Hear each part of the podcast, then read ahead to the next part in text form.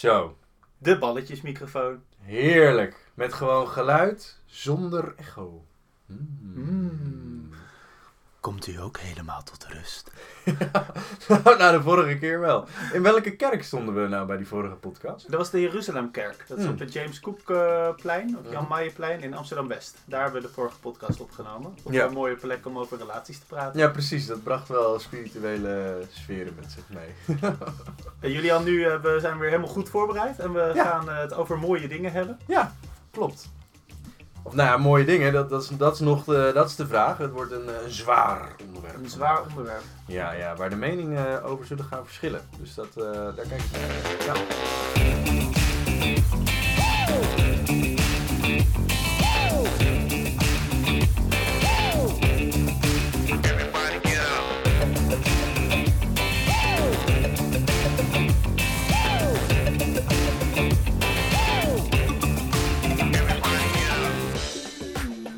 Is, dat is een andere. Dat is niet het. En zoals altijd eh, beginnen wij met een eh, vaste vraag. De, de vraag kan verschillen, maar we beginnen vast met een vraag. Mhm. Dus zo ga ik ook alvast met een vraag beginnen. Julian, wat is ehm, het boek dat jij eh, recent hebt gelezen dat jou het meest is bijgebleven? Ik heb gelezen het boek Life 3.0. Ja. Vertel. Vertel. Nou, kan je erg, heel, eh, heel lang over praten, want het is een onwijs interessant boek. Doe maar kort. het gaat over, ehm, eh, en het is in het Engels, eh, How to live as a human in the age of artificial intelligence. Dus hoe moeten we zo meteen leven in een wereld waarbij kunstmatige intelligentie en robotica tot de standaard zijn gekomen. En daarin... Wat haal je eruit? Nou, wat je eruit haalt is eigenlijk een, een voorspelling van hoe technologie zich zou kunnen ontwikkelen. Zowel op een negatieve Black Mirror manier als een positieve manier, wat voor kansen het biedt. Maar het heet dus ook 3.0, omdat hij zegt we leven nu in 2.0. Wij als mensen kunnen creëren en nadenken. En hiervoor was 1.0, die, dat waren bacteriën die alleen maar een beetje dom eh, konden heen en weer zweven. En zo meteen komt er 3.0. En die kunnen niet alleen nadenken en dingen creëren, maar die kunnen ook zichzelf creëren en vormgeven. Wat wij natuurlijk niet met ons eigen lichaam kunnen. Wij kunnen ons toch Eh, voorplanten? Ja, maar wij kunnen niet ons eigen hardware, ons eigen lichaam zeggen van wij kunnen nu vliegen. Als het, het lichaam zijnde zelf. Dus Tenzij ja, we een cyborg worden, worden dus. Ja, maar dat is dan nog steeds niet dat we eh, eh, vanaf het grondbeginsel een, eh, iemand kunnen veranderen. Ehm, en daar gaat het dus over. En wat heb je dan 3.0. meegenomen zelf uit dit boek? Nou, dat je heel. wij- wij- ik ben natuurlijk heel veel bezig nu met technologie en robotica en nou ja, mogelijk ook zometeen AI. AI. Ehm, wat ik eruit heb meegenomen is dat we daar heel verantwoordelijk mee moeten omgaan. En dat het heel veel kansen biedt, maar dat het ook onze ondergang kan worden. Ja, ik raad het ten eerste aan om een boek te lezen. Cool. Vooral het eerste hoofdstuk. Dat is heel gaaf.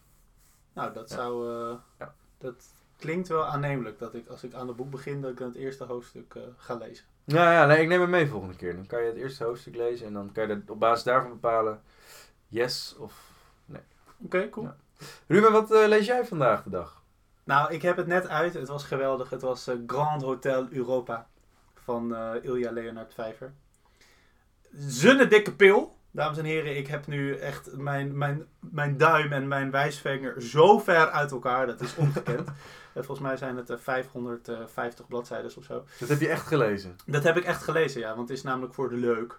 Het, was, het is een fictieverhaal. Ehm, het is gewoon een roman. Het is echt literatuur. En het gaat over, over eigenlijk het toerisme in Europa. En over de Europese identiteit. En het is eigenlijk, en dat vind ik zo mooi, het is, het is een literair verpakte kritiek op eh, hoe het er nu aan toe gaat. Met alle migratiestromen en ehm, hoe we daar als Europa mee omgaan. En het gaat ook heel erg over ehm, wat wij als, als Europeanen met elkaar delen. Wat de Europese identiteit is. En ja, het is, de zinnen zijn soms een halve pagina en ik kan daar zo van smullen. Het is gewoon zo, zulke mooie beeldspraak. Het is zo mooi geschreven. En hij is verschrikkelijk arrogant. Mhm. Maar daar ook weer heel erg zelfbewust over. Ja, ik vind het heerlijk. Dus ik heb Maar gewoon wat, wat haal je eruit? Wat is, wat is, wat is de... de pointe. Ja, de pointe. Oh, mooi. Ja, de, nou, de pointe is ehm, ehm, dat we in Europa heel erg proberen vast te houden aan ons verleden. Mhm. Terwijl het, het, het voorbeeld is dan dat eh, in, in een Europees hotel wordt overgenomen door een Chinese eigenaar. En dat meer in de Aziatische landen dat ze niet zo bezig zijn met het verleden, maar vooral op de toekomst gericht zijn. En dat dat technologisch en economisch dus veel meer oplevert. Maar dat dat wel heel uniek is aan Europa, dat wij zo in het verle- dat wij zo'n verleden hebben. Maar dat we daar ook wel heel erg op teren. En eh, dat dat Ja. ook wel eh, heel erg ook wel voor stagnatie kan zorgen. En we houden heel erg vast aan de Amsterdamse binnenstad. En die zijn we nu helemaal aan het uitwonen om aan toeristen over te laten. En dat is gewoon heel erg zonde. En Venetië is dat nog erger. Mhm. Dus ehm, nou, dat moeten we niet doen. We moeten niet eh, het helemaal laten overnemen door toeristen. Maar we moeten wel juist die Europese geschiedenis ook waarborgen. En dat we wel waarderen. Maar ehm, niet helemaal overlaten aan eh, al die eh, neoliberale... ja, ik moet het Daar is altijd even zeggen. Ehm, Mhm. Dus ja, dat vond ik prachtig. Nou, Julian. Dus le- lees jij wel eens nog literatuur? Nee. Ik, ik, ik, nou ja, Is goed voor wat- de wat is verbeelding, literatuur? man. Kijk, ik, ik, Wat is ik, literatuur? eh, Mooie ja, vraag. precies. Wat is literatuur? ik lees heel veel, want dat doe ik altijd in de ochtend. Ik heb er een gewoonte van gemaakt om eh, minimaal 10 pagina's per dag te lezen. Dat doe ik vaak als ik wakker word als eerste. Non-fictie dus allemaal. Zelfhulpboeken, technologie. Zelfhulpboeken, technologieboeken, trendboeken, businessboeken, ja. En maar een, een roman of zo, zeg maar, of, of eh, weet ik het. Dat, eh, dat eh, lees ik eigenlijk nooit. Heb je deze al? De meeste mensen deugen niet van Rutger Bregman. Nee, ik zie De wel- meeste mensen deugen. Er staat nergens niet Oh, deugen niet. Nou, dat ook mooi dat je het zegt. Dat is Oh. jouw eh, Freudiaanse ehm, Ja. interpretatie van dit boek. mhm. Geweldig. We moeten een boekenclub beginnen. we moeten een gaan een tweede podcast opzetten. Dames en heren, eh, sluit je aan bij de boekenclub. Eh, via ons Slack-channel eh, gaan wij daarover informeren. Of gaan we nu ook een telegram... Ja, het telegram, ja. is heel actief, hè, bij Ja, dus Slack. Onze Slack gaat Onze echt, Slack gaat heel hard. Ja, het is heel leuk hoe actief jullie daar allemaal zijn. Maar goed, Julian, we zijn hier ook nog om het over een inhoudelijk onderwerp te gaan hebben. Ja, Want vertel. jij, jij, zei vandaag, jij zei vandaag opeens... Ruben, we gaan het hebben over overpopulatie. Ja, overpopulatie. Overpopulatie. Nou, ik ben eerst wel even benieuwd. eh, wat, wat is overpopulatie, Ruben? Overpopulatie. Ja. Eh, te veel mensen op de aardkloot. Nou, mooi. Mooi gezegd. Ja, nee, ik, ik, ik hou mezelf best wel veel bezig met dat eh, onderwerp. En dan denk je, Julian, waarom hou je je daarmee bezig? Nou, omdat ik denk ik best wel een, ehm, ja, een, een, een wereldverbeteraar wil zijn. Of beaamd te zijn en iets wil doen met mijn leven wat bijdraagt aan een mooiere wereld. Omdat dat geeft positieve energie.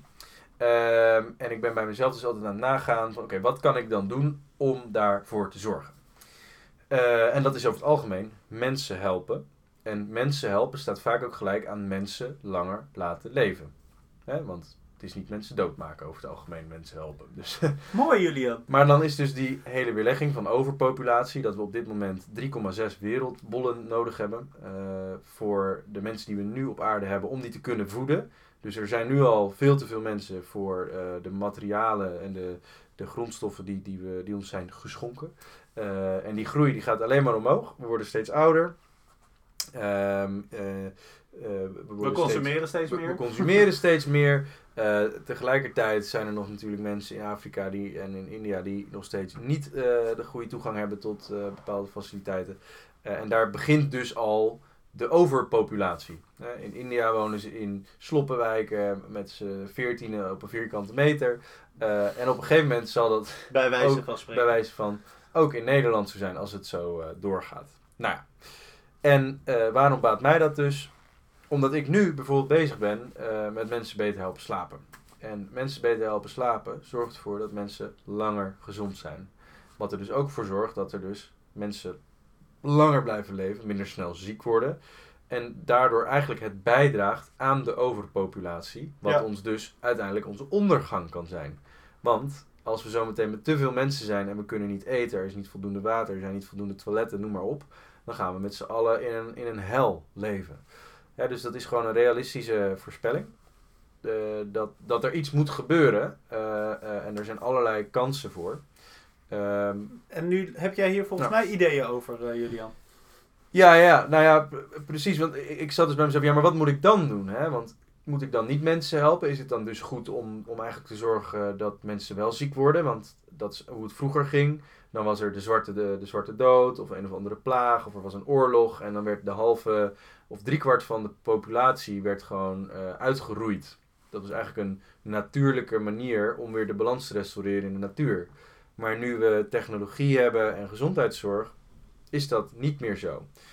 Dus dat ik denk, oké, wat kunnen we dan dus doen als mensheid aan het gegeven overpopulatie? En ehm, ja, volgens mij zijn er eigenlijk maar twee opties.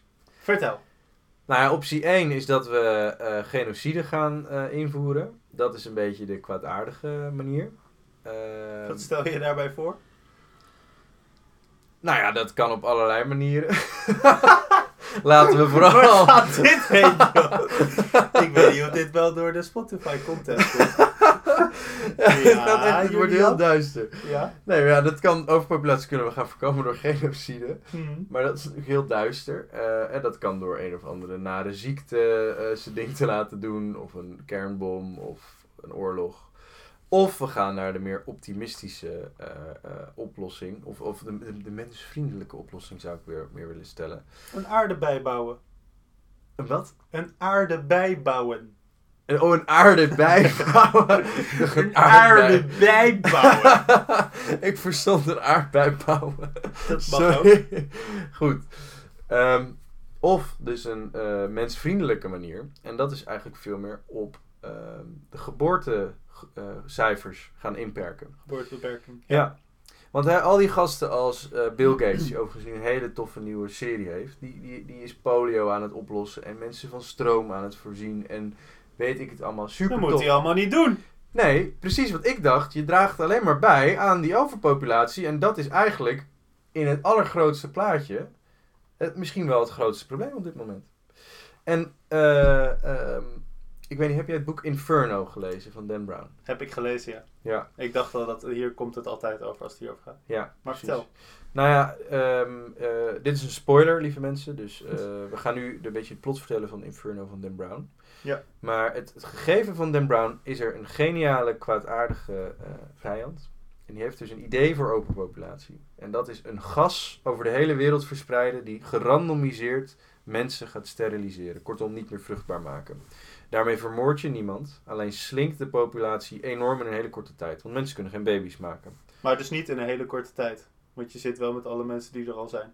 Ja, in een generatie. Ja. En dat is een hele... Nee, want als je het vergelijkt met genocide, is dat dus een wel iets humanere oplossing. Ja, duurt wel langer. Precies. Nou ja, dat is wel Ja. een belangrijk eh, argument. En eh, nou, voordat ik de andere opties ga benoemen, ben ik eigenlijk wel benieuwd. Stel, er staat hier nu een knop, Ruben. Een knop die dat gas, wat natuurlijk nog fictie is, wereldwijd verspreidt en gerandomiseerd mensen gaat steriliseren. Zou je de- en, en daarmee dus eigenlijk de wereld kan redden. Zou je dat dan doen? Nee. Ja, ik denk het wel. Ja? Ja. Dat ik het zou doen? Of dat jij het zou doen? Ik denk dat ik het wel zou doen. Maar misschien komen we, komen we zo, kom ik daar zo meteen in een discussie op terug. Maar ehm, we doen daar... Want wie wie kijk, ben jij om dat te bepalen? Nou, mezelf. Maar ja, ik denk uiteindelijk iemand moet die keuze maken, soort van, om dus de, ehm, de wereld voor te laten bestaan en überhaupt misschien wel de mensheid voor te laten bestaan. Nou, als, die, als die knop gaat worden ingedrukt, Ja. wat ik betwijfel, Ja. dan zou dat op een zo democratisch mogelijke manier moeten gebeuren. Mhm. Eh, dus dat, dat zal nooit op één individu afkomen. Nee. En ik denk niet dat dat erdoor gaat komen. Nee. dat het wel een soort Ja, fundamenteel stel- mensenrecht is om eh, jezelf te eh, vermenigvuldigen. Ja, Oftewel een kind te krijgen. ja. Maar staat dat boven het voortbestaan van de planeet en de mensheid? Want daar, daar zit ik dan mee. Want ik denk inderdaad, als we het democratisch gaan doen, dat het dan. Nou ja, dat.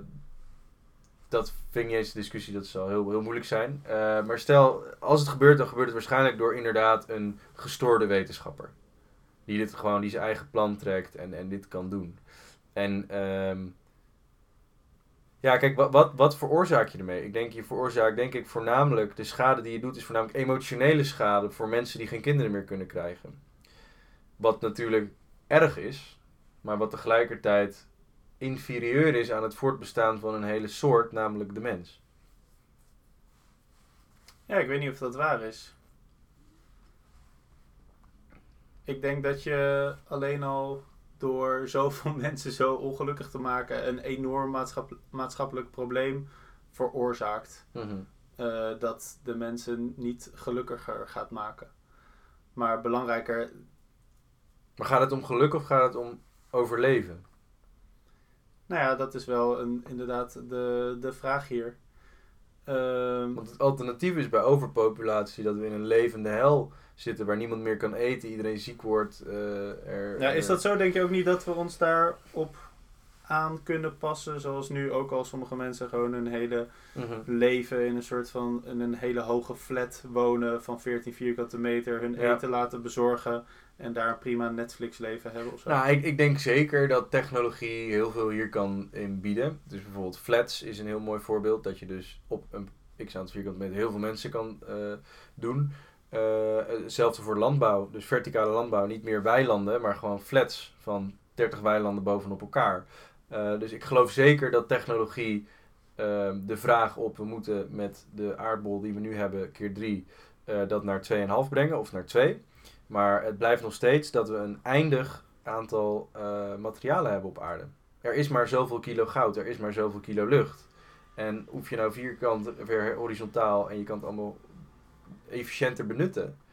Maar we hebben niet oneindig veel eh, grondstoffen. Die, die, ja, of we moeten uit de ruimte eh, die grondstoffen gaan halen. Dan zou het misschien kunnen. Nou ja, en eh, toch meer duurzame manieren van energie opwekken. Die zijn er toch ook? Ja, maar dat is energie. Maar ik heb, laten we even zeggen, bijvoorbeeld water. We hebben gewoon maar een x aantal liter water. En water is misschien niet het beste voorbeeld, want daar hebben we toevallig heel erg veel van. maar bijvoorbeeld drinkbaar water hebben we weer beperkt van. Nee, ik ben Dus, met je eens dat ja. het, dat het eh, problemen gaat oplossen, oh, opleveren. Ja. Ehm, Kijk, het, het is een issue. En de- dus technologie gaat zeker een onderdeel van de puzzel zijn om het op te lossen. Maar het antwoord zit hem ook niet in genocide. Dat lijkt me niet wenselijk. Maar het antwoord zit absoluut in geboortebeperking. ja, maar er is wel een verschil inderdaad tussen geboortebeperking, ehm, als in steriliseren, dat mensen helemaal geen kinderen kunnen krijgen, of dat je meer een soort politieke druk uitoefent, eh, bijvoorbeeld Ja. zoals in China één kind politiek was of zo. Precies. Want het is toch ook wel, dat zijn ook mooie statistieken van, nou ja, dat, daar, daar kan ik me nog ergens wel een beetje in vinden of zo. Dat dat een, een concessie is die... eh, Maar ja, dit zijn van die dingen volgens mij, dit zijn zulke gevoelskwesties, dat ik kan nu wel rationeel dat gaan zeggen, van ja, Ja. wat is inderdaad, eh, statistisch gezien is het allemaal beter. Ja. Maar ehm, ik zou heel leuk vinden om eh, een kind te krijgen. En Mhm. ook wel twee. ja. En eh, zo zal iedereen dat hebben. Of niet iedereen natuurlijk, maar heel veel mensen hebben dat zo. En ehm, ja, dat, dat, eh, dat kan dan niet meer. En dat is best wel een heel heftige inbreuk op je eigen vrijheid ook. Want Ja. je bent eh, als mens heb je tot nog toe altijd de vrijheid gehad om zelf te bepalen hoe je, eh, met bepaalde grenzen natuurlijk, maar om zelf te bepalen op welke manier jij je voortplant en hoe je dat doet en hoe vaak en dat soort dingen. Wat, wat heel erg belangrijk is, denk ik. Ja. Ehm, dus als er zoiets zou worden ingevoerd, dan nogmaals, dan, wordt dat, dan moet dat iets heel democratisch zijn. Waar, maar dan nog, het is zo'n fundamenteel, zo'n fundamentele inbreuk op je vrijheid als je mensen gaat opleggen dat ze niet meer een mens op de wereld mogen zetten. Mm. Dat is echt. Ja, en daarom denk ik dat het antwoord dus ook niet ligt in het gerandomiseerd steriliseren. Ook al is het wel eh, Leuk voor een boek. effectieve oplossing en in een boek en sci-fi-achtig interessant.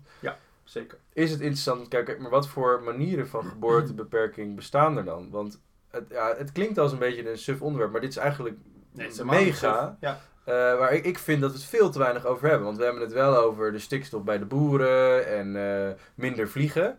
Maar we hebben het eigenlijk nooit over dat het raar is dat sommige mensen twee kinderen nemen. Wat ik persoonlijk best wel asociaal vind. Als je nu twee kinderen of drie kinderen of vijf kinderen neemt. Want een kind, een mens op de wereld zetten, is het meest vervuilende wat je ooit kan doen. Ja. En daar hebben we het nooit over in die hele Greta-klimaatdiscussie. En, eh, en, en, en, en met Weinig, ons ja, over weinig. weinig. Ja. En ons hele overlevingsinstinct. En daarom vind ik het dus interessant om, te- om het dan dus te hebben. Oké, hoe moeten we het dan wel oplossen? Wat is ethisch wel verantwoord? Ehm, en ik heb me daarin verdiept. Ehm, en wat Bill Gates zelf zei, want Bill Gates kreeg deze vraag ook. Van, hey Bill, leuk dat je je miljarden stopt in het redden van mensenlevens, maar je draagt bij een overpopulatie. En toen kwam hij met, de, met het tegenargument, hoe gezonder ik mensen maak, hoe minder baby's er worden gemaakt. Ja, dat is inderdaad ook wat die eh Zweedse statisticus toch Ja. eh, zegt. Hoe heet die ook weer?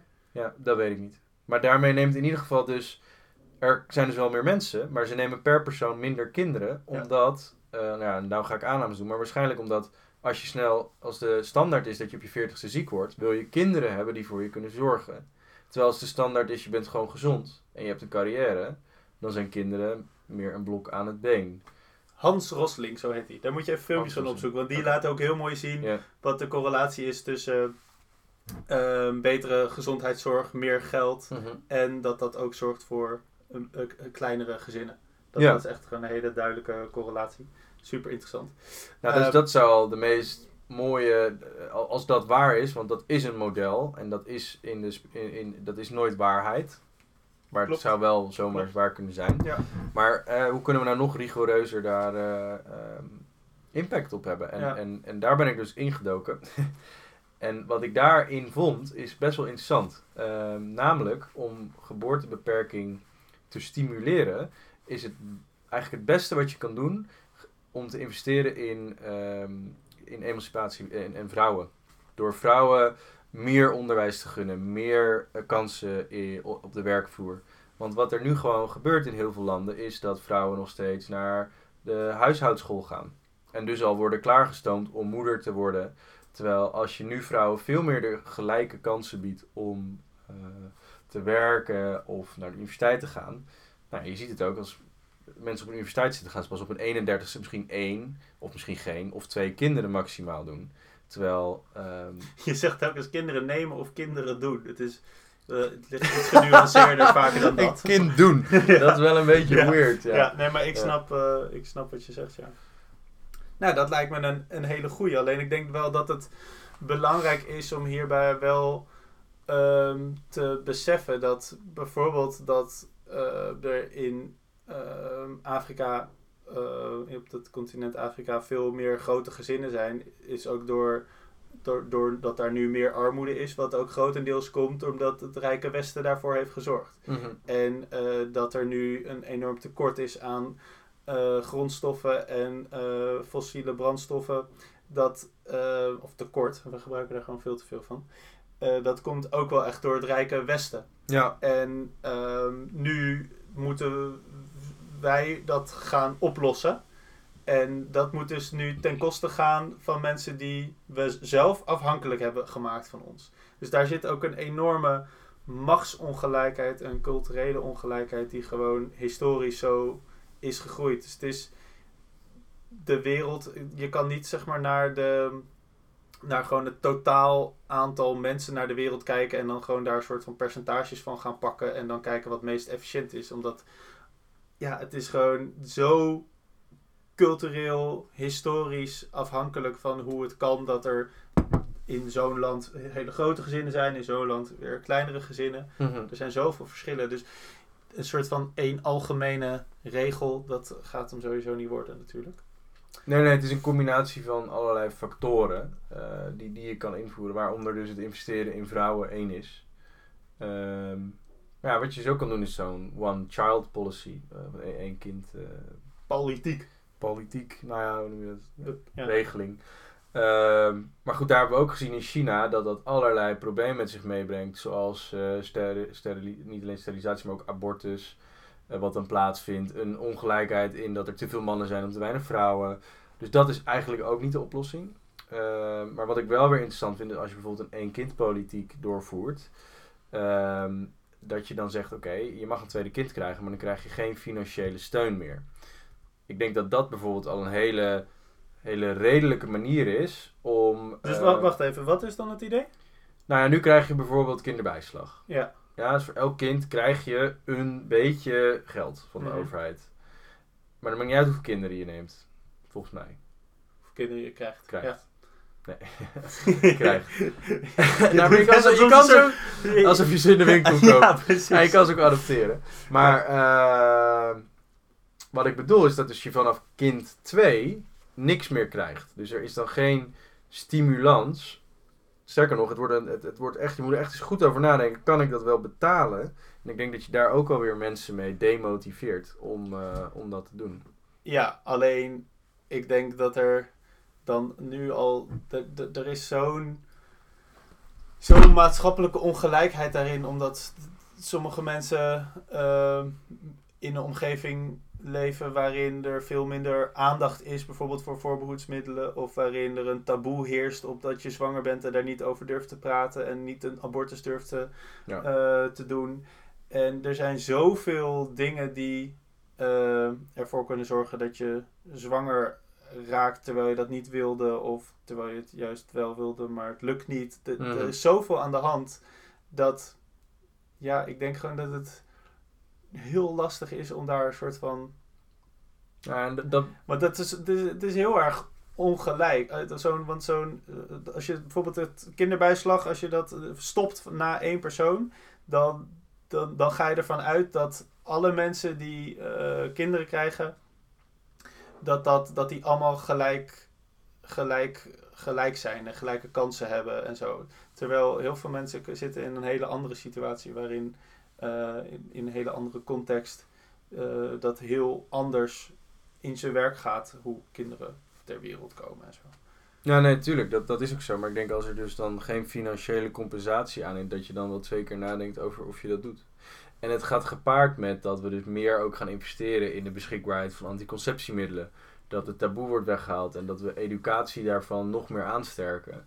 Ja, sowieso Dat- moet dat- anticonceptie gewoon eh, gratis zijn. Ja, absoluut. Ja, die toch- condooms zijn best duur, hè? Ehm, ja, ik koop, altijd, ik koop altijd één keer heel veel. Oh, oké, oké, oké. Interessant. Ben jij je seksueel actief, Ruben? Eh, Zeker. Goed. Ehm, Ja, en, eh, en de pil en zo, dat staat er helemaal nergens op dat dat eh, niet wordt vergoed. Maar goed. Ja man, heftig shit. Maar je, je bent hier gewoon helemaal ingedoken. nou ja, dat komt omdat ik dus zeg maar bij alles wat ik doe. Eh, en nogmaals, ik, ik, ik, ik, ik, ik ben nu dan met slaap bezig, maar ik wil nog met veel meer dingen me gaan bezighouden. Ik vind bijvoorbeeld renewable energy heel interessant. Dus hoe kunnen we eh, energiebronnen maken die wel duurzaam zijn? Eh, want fossiele brandstoffen, dat, is, dat, dat houdt, dat is, dat is eindig. Dus ik vind bijvoorbeeld kernenergie heel interessant. Ondanks dat het natuurlijk niet een populair onderwerp is, ehm, biedt dat onwijs veel kansen. Maar goed, daar kan je losse wel met recht niet zo'n populair onderwerp. Eh, maar laten we met- daar een andere podcast over hebben. Ja, met, met recht, maar ook eh, dat is puur omdat de media dat zo heeft geschetst. Want de technologie, waar het fout is gegaan bij Fukushima en Chernobyl, dat was echt een eh, hele domme technische fout. Ja, oké, maar het is toch gewoon een feit dat, ehm, eh, dat het nog heel lang nog actief blijft en bewaard blijft. En dat je daar andere generaties mee opzadelt. Terwijl we helemaal niet weten hoe... Daar zijn oplossingen voor. Maar dat is een andere podcast. ja, dat is allemaal... Nee, dat is echt waar. Dat is, dat is echt zo. Se- Serieus, kernenergie, Arjen Lubach heeft er een stuk ook over gemaakt. Ja, en toen Het- heeft mijn is, docent eh, van Environmental Ethics daar weer een kritiek op geleverd. Maar goed, laten we het daar goed. een andere keer over hebben. Precies. Maar eh, anyways, waar ik dus ook zoek met wat ik wil doen in mijn leven. Dus eh, kernenergie, mensen beter helpen slapen. Wil je arts worden? Wil je, weet ik veel, Iets goeds doen voor de wereld. iets goeds doen voor de wereld. Dan kom ik dus telkens weer terug op ja. Maar in die end zorg je er dan dus alleen maar voor dat de mens het nog, nog beter heeft. Nog langer leeft. En als je dan dus weer dat level hoog gaat, kom je dus telkens terug op overpopulatie. En daarom hou ik mij daar dus zo mee bezig. Want dan denk ik, dan moet ik me dus eigenlijk met overpopulatie bezighouden. En dan kom je dus over die discussie die we net hebben gehad. En wat kunnen wij daar dan aan bijdragen? Naast dat wij één, bewust omgaan met het nemen van kinderen. Twee, Ehm, nou, door hier nu een spreekbuis aan te bieden, want dit luisteren mensen. Ik denk dat dit vooral belangrijk is. Ja, dat, dat het gewoon een onderwerp wordt waar veel meer over gesproken gaat worden. Ja, Want laten we het want- minder over vlieg, vliegen, vliegschaamte Nee, nee, hebben. nee. Ook daarover. Ja, En ook. ook over, over. We moeten het gewoon Alles. overal over dit soort dingen veel Ja. meer hebben. En veel minder over Love Island en de gouden televisiering en allemaal dat soort onzin. Het is, het is, we zijn al te laat, weet je wel. En het is gewoon, en ja, weet je wel, how dare you? Ja, maar dat, en dat is een beetje het probleem ook. Want we zijn nu oplossingen aan het bedenken voor een probleem dat eh, er nooit had moeten zijn. Ja. En dat is denk ik ook waarom het zo moeilijk is om hier een oplossing voor te vinden. Sowieso omdat alle ethische oplossingen pas echt effect gaan hebben eh, de volgende generatie. Als het Mhm. al te laat is. Ja, Het is, een, het is een heel ongrijpbaar. Want je kan heel makkelijk over mensen praten als eh, cijfers en statistieken. ja, Alleen jij weet ook dat als er één persoon is en jij kan op de knop drukken van stel jouw zusje wil heel graag kinderen. Mhm. En, ze, en jij mag op de knop drukken of dat ze dat wel mag, dan zou je dat doen. Want dat Mhm. gun je haar. Mhm. En zo heeft elke broer dat van zijn zusje. Zo heeft elke moeder dat van haar zoon of haar dochter. En Ja, dus ja, dat, dat heb je altijd. En dat is gewoon ehm, heel jammer van, eh, dat we allemaal individuen zijn. Maar dat is een beetje hoe het, hoe het werkt.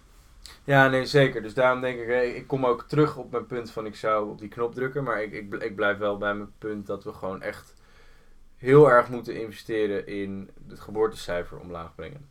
Ja, En sowieso. dan, dan vind ik nog wel het volgende onderwerp interessant dat eh, daarop aansluit. Want als je dan kijkt naar landen die dat dus al extreem hebben, zoals Japan, daar is het geboortecijfer lager dan het sterftecijfer. Dus er gaan meer mensen dood dan dat erbij komen. Ehm, dat is top. dat op is de balans top. voor de wereld. top op de balans voor de wereld. Ehm, Maar, maar dat, dat, dat heeft ook weer consequenties. Als je kijkt naar Japan zelf, zeg maar. het zijn allemaal hele ongelukkige mensen die heel veel zelfmoord plegen. Nou ja, dan, ja, precies. Allemaal, stuk voor stuk. Dat zou eigenlijk wel top zijn. nou ja, dat is dan ja, dat is eigenlijk helemaal geweldig, want dan gaan er nog meer. nee, nee, nee, ja. dat, dat mag je niet zeggen. Nee, zeiden we ook Eh, niet. Dat zeiden we ook niet, neem het terug. Maar de, eh, ik, ik, er is altijd in deze hele discussie, eh, maak je mensen boos, denk ik. Want er, zijn, er, er is geen ethische oplossing wat dat betreft. Behalve de meest humane. En dat is toekomstig leven voorkomen. Want toekomstig leven is er nog niet. Dat is hypothetisch. Die doe je geen pijn. Die, die kan je... En, en daarom denk ik dat daar eh, dus de oplossing ligt. Mooi. Nou, dankjewel Julian. Geweldig. Dus even resume. Wat, eh, wat, wat nemen we mee van deze aflevering? En wat kunnen, we, wat Nou. kunnen wij zelf doen als een individuutje? Ons Nou ja, ik denk door hier- individuutje. Eh, breng dit op eh, tijdens verjaardagsfeestjes of eh, weet ik veel, als je met je familie bent, met, met je vrienden, om er gewoon meer over te praten. Want uiteindelijk zijn wij zelf ook verantwoordelijk. Wij, wij zijn de generatie die zometeen weer een kind op de aarde gaat zetten. Nee, dat gaan we niet doen. Nou ja, dat, Nee, maar ja, serieus, eh, dat, dat vind ik nog een kleine gedachtegang erbij. Ik zou, ik, ik zou best, ik vind het, ik zou het echt spannend vinden om een kind op aarde te zetten. Met als reden dat ik denk dat mijn kind het niet meer overleeft. Op, de, op, op deze aarde. Hij gaat het einde van deze wereld meemaken, denk ik. Dat denk ik echt. Dat vind ik heel dystopisch. Zo, dat, dat denk ik niet. Zeker niet eh, in Nederland. Dat ik denk dat we, dat we het hier nog het, het laatst gaan merken of zo. Nou, wij staan onder water over een paar jaar. Hè? We zijn de lage landen, de Nederlanden. Ja, maar Amersfoort en Zee. Nou, onder wordt een soort eh, Atlantis, wordt het. Dat is een leuke musical. Oké, we dwalen een beetje af. Ja. Ehm, mooi, mooie samenvatting gaf je net. ja. Luister maar even terug, luisteraars. Ja. ja, maar, nee, maar geweldig. Ik Politiek, ga er zelf ook echt eh, meer Ja. over nadenken en meer... ja, ga je over lezen. Ja, Echt. Typ in op Google, op Re- Reddit, YouTube. Er zijn echt hele interessante Ja. dingen over. Want er zijn hier mensen die hebben... Ja, ik ga in de show notes maar, ook eh, nog een, eh, een artikel plaatsen van mijn docent van eh. Environmental Ethics. Die had hierover geschreven. Van we moeten het meer hebben over geboortepolitiek. Juist, Voor de Volkskrant had hij daarvoor geschreven. juist, heel goed. Dat zal ik in de show notes zetten. En wat voor nummer hoort daarbij? Oeh! The end is near. The end is near. S- Stop creating people. Stop making love. Don't make love. Make war, not love. Ja, dat is de Zullen we dat opzoeken? Make love, not war? Eh, Ik bedoel, Nee, make war, ook- not love. Maar we willen, nee, want ons punt is niet dat Oh. we geen war willen. Nee, nee, nee. We willen het, let's talk about it. Want we willen er meer over gaan hebben. Ja. Let's talk about it. Let's talk about it. Dames en heren, hier is Let's talk about it.